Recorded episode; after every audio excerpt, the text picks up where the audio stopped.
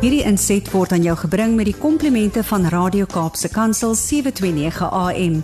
Besoek ons gerus by www.cape pulpit.co.za.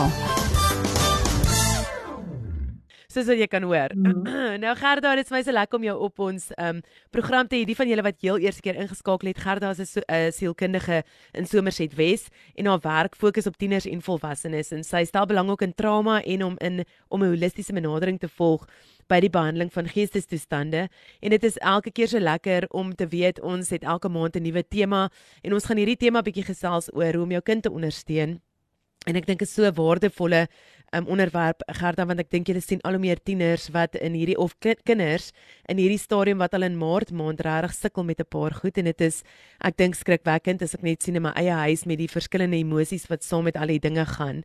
En um, ek dink ja. dit is my belangrik om daaroor ook te gesels en as jy dan enige vrae het kan jy dit vir ons stuur en ek en Gerda sal aan die einde van die maand dan ook lekker saam met jou gesels en al jou vrae beantwoord. Maar Gerda, ek gee oor aan jou dat jy lekker gesels vandag. Dankie Andri. So ek het regtig voor gevoel dat daar 'n bietjie met ons ons 'n bietjie fokus op ons kinders se geestesgesondheid goed en hoe ek gaan struktureer oor hierdie maand is ons gaan vandag praat oor hoe ondersteun jy jou jou voorskoolse kind en dan gaan ons 'n bietjie fokus op jou laerskoolkind en dan gaan ons dit afeindig met hoe ondersteun jy jou tiener. Um en ek dink mense is altyd so geskok. Ek het my ouma kuier nou hier uit die Noord-Kaap uit en sy vra van nou die dag sien ons partykeer kindertjies. Is dit nodig vir kindertjies om um, soms 'n sielkundige te sien? En ek sê vir haar, "Sjoe, ja, eintlik is dit die grootste nood. Is sielkundiges wat met kinders sal werk. Daar is 'n geweldige behoefte." Um en ons dink nie altyd aan kinders as mense wat kan aan geestesprobleme ly nie, reg? Maar dit is baie meer algemeen as wat 'n mens dink en dit het 'n baie spesifieke vorm van ondersteuning nodig. So ons gaan vandag fokus op ons kleutertjies, reg? Ons kleinkindertjies, ons babatjies, ons kleutertjies, dit lê my baie na in die hart.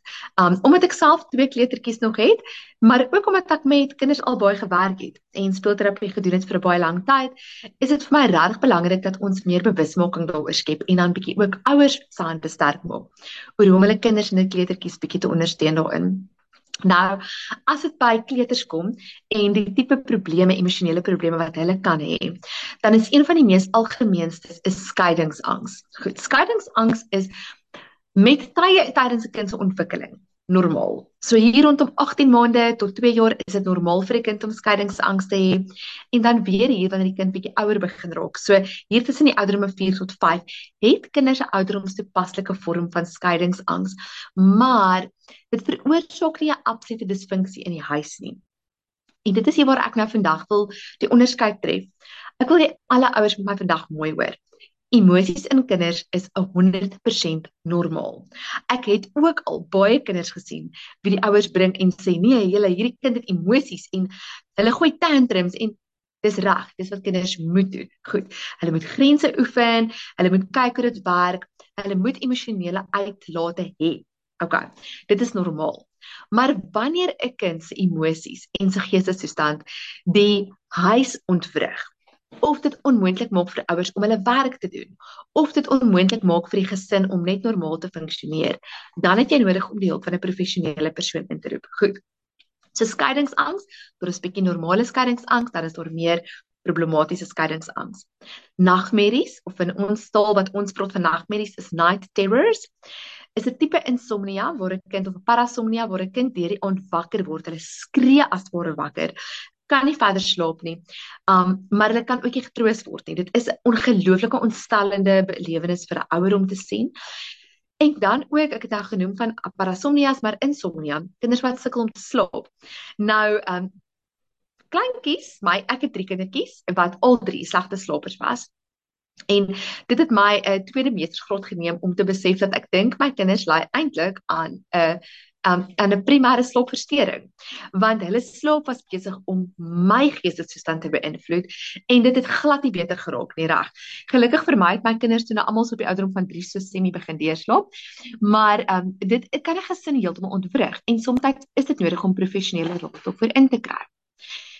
Dan kan kindertjies en kleutertjies ook teneergedruk raak. Hulle kan depressie ontwikkel dit is iets wat met geweldige sensitiwiteit um en met 'n baie geoefende oog moet dit um diagnoseer word. Jy kan nie sommer net self besluit jou kind het 'n paar afdae, dis depressie nie. Dit lyk anders in kinders as in volwassenes.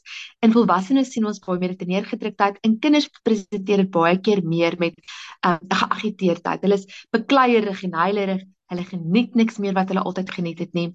En vir 'n kind om met depressie gediagnoseer te wees, is die tydperk wat hulle die simptome moet hê baie korter as vir volwassenes, reg? Volwassenes is dit so 2 weke dan kan hulle gediagnoseer word met 'n episode, vir 'n kind is dit 'n week. Okay. Um en en die behandeling weer eens daar is belangrik dat ons holisties daarna kyk. Um jy kan 'n kinderpsigiater besoek en medikasie kry, maar onthou terapie is altyd die eerste lyn wanneer dit kom by die kind en ons wil die oorsaak soek. Nou ouers is altyd baie bang om hulle kinders se kinders te vat. Hulle sê vir my, ek is so bang jy gaan vir my al sê wat ek verkeerd doen. En dit kan daai tipe gedagtes kan eintlik jou jou kind skade doen. En ek gaan vir jou sê hoekom. Ek is 'n sielkundige, maar ek is ook 'n mamma en ek maak baie foute.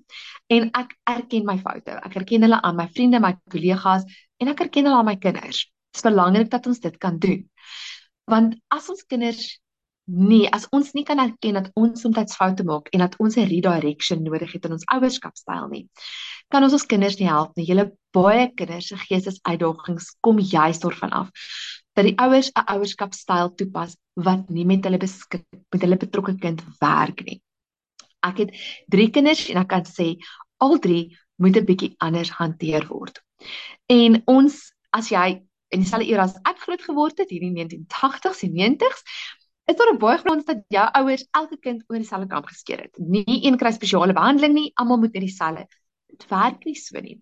En en um ons as volwassenes dra dikwels die letsels van ons ouers wat ek wil ook net sê hulle beste probeer het met die kennis wat hulle op daai stadium gehad het. Maar nou het ons meer kennis en ons kan beter doen. Ons kan anders doen. Okay. So hoe ondersteun jy jou kind? Nou eerstens as jy dink jou kind het 'n probleem met hulle geestesgesondheid. As jy dink jou kleutertjie is meer teruggetrokke, meer huilerig as hulle maatjies, um meer klingie, hulle wil jou glad nie laat gaan nie en dit begin 'n impak op julle gesin of op jou eie geestestoestand. Is die eerste ding wat jy moet doen is om vir jou kind te sê, dit is oukei okay om te voel soos jy voel. Mamma wil hê jy moet weet of pappa wil hê jy moet weet, emosies is normaal. En dan is dit belangrik dat ons vir ons kleuters 'n emosionele woordeskat leer. Goed. My my kleintjie van 2 kan al mooi sê. Kwaad, hartseer, frustreerd, jaloers, gelukkig, baie bly. En dis eenvoudige woordjies, maar wat ons as ouers nalat dikwels om te doen, is om vir ons kind te sê wat hulle beleef. So, jy vir jou kind sê, "O, oh, ek sien jy's baie kwaad omdat jou boetie nou jou speelgoed speelding gevat het." Jy voel jaloers omdat sussie iets gekry het wat jy wou hê. Jy voel hartseer omdat mamma moet gaan werk. Elke keer wat jy vir jou kind dit sê, ons noem dit in Engels mentalizing. Um help jy jou kind om te weet nommer 1, hierdie is die emosie wat ek voel en nommer 2, die persoon wat my moet versorg, verstaan my. En julle, is dit nie maar ons almal se grootste begeerte selfs as groot mense om regtig gehoor en verstaan te word nie. So as ons daardie behoefte in ons kinders kan vervul, gaan die kans dat hulle groot mense word wat bietjie meer holisties is, bietjie gesonder is, soveel groter wees. Okay. So leer jou kind 'n emosionele woordeskat, normaliseer jou kind se emosies. Dit help om jou kind deur iets te praat. En dan om dit reg te kan doen, is dit nodig dat jy as 'n ouer leer hoe om te selfreguleer ek kry dit self nie altyd perfek reg nie. Daar's baie keer wat ek baie kwaad raak met my kinders en dan moet ek myself uit die situasie uit verwyder en gaan diep asemhaal. En wanneer ek kan voel my lyf voel vir my veilig, dan weet ek my lyf gaan vir my kind weer veilig voel. Dan kan ek teruggaan en ek kan met hulle rustiger praat. Ek kan vir hulle 'n spasie hou ons praat van in Engels um we we use the term containers. We have to contain our child. Om 'n veilige container te wees moet jy self veilig voel. Jy moet in beheer van jou eie emosies jou eie reaksies wees. Julle ek het al vir 45 minute langs my seentjie gesit terwyl hy 'n aanhoudende tantrum gegooi het oor ons kan nie eers een onthou waaroor dit was nie. Maar kan jy dink as 'n groot mens om daardie tipe validation te kry. Om iemand te hê wat langs is en vir jou sê, "Dis okay buddy, hierdie is net 'n gevoel. Dit gaan verbygaan." En terwyl jy deur dit gaan, gaan mamma hier sit en jou veilig hou, seker te maak jy's okay.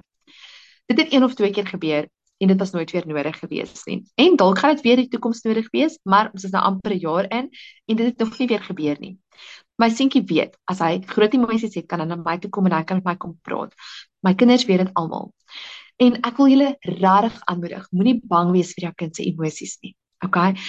Ons mag vir ons kinders die kans gee om hulle emosies uit te druk en te praat. As jy regtig voel jou kind sukkel en dit gaan verby jou eie vuurmaakplek, gaan sien asseblief 'n sielkundige of 'n speelterapeut. Daar is ongelooflike terapete. Dit hoef nie net sielkundiges te wees nie. Julle daar is maatskaplike werkers wat speelterapie doen. Daar is beraders wat speelterapie doen wat fantasties is in dit wat hulle doen. Die belangrikste is kry iemand wat bereid is om saam met jou as ouer op 'n pad te stap en jou te leer hoe om jou kind se emosies te help bestuur en jou kind se emosies veilig te bestuur sodat jy ook bemagtig is. Julle ek wil gou-gou sê, ons as sielkundiges of terapeute spandeer 'n uur 'n week hoogstens met jou kind. Jy is daar vir die res van die tyd. Die persoon wat eintlik optimaal in die posisie is om jou kind te ondersteun, is jy kry die vaardighede, lees die boeke en en en maak seker jy weet jy is veilig sodat jy vir jou kind 'n veilige hawe kan wees. Kyk 'n bietjie watter omgewingsstressors is daar tans in julle lewens. Um gaan julle deur 'n moeilike tyd, is daar konflik tussen jou en jou eggenoot, het een van julle julle werk verloor, is daar finansiële spanning. Al hierdie goed het 'n impak op ons kinders.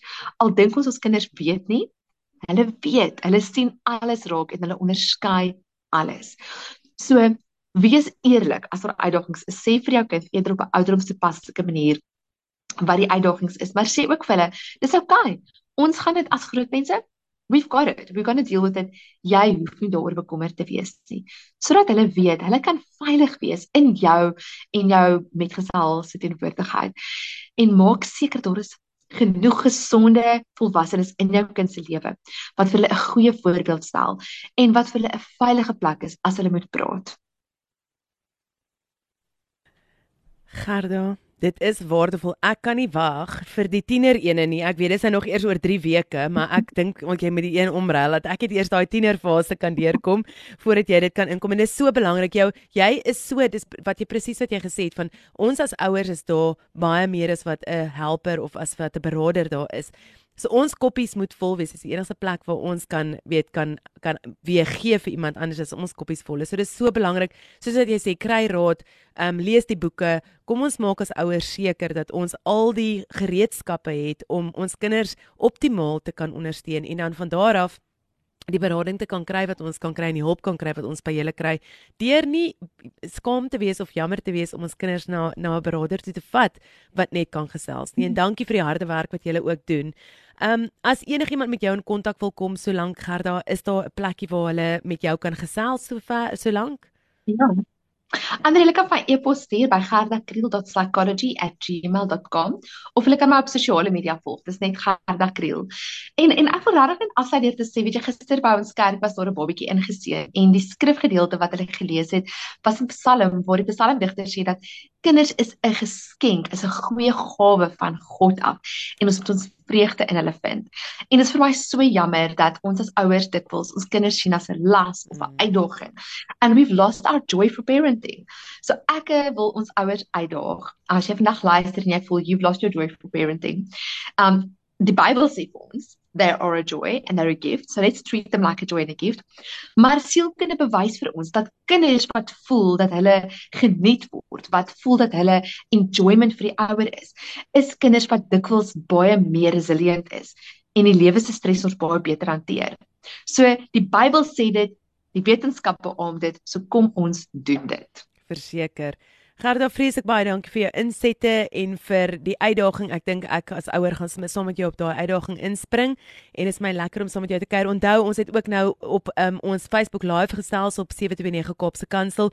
So as jy voel enige iemand moet hierna luister, gaan na ons Kaapse Kansel webblad toe of op ons Facebook bladsy en gaan share my en Gerda se gesprek en gaan luister sommer net 'n bietjie en tag sommer 'n vriendin en sê luister luister bietjie hierna, dalk is dit iets wat ons moet oorweeg. Vreeslik baie dankie vir jou insette en ek sien uit om volgende week saam met jou te kuier oor laerskoolkinders. Ek sien baie uit daarna. Yes. Lekker. Dankie Andri, goed dankie, gaan. Dankie. Lekker dagie vir jou. Totsiens. Tata. Dit was Gerda Kriel geweest. Jy kan ons ook gaan loer daar op ons Kaapse blad waar ek en sy lekker saam gekuier het. Nou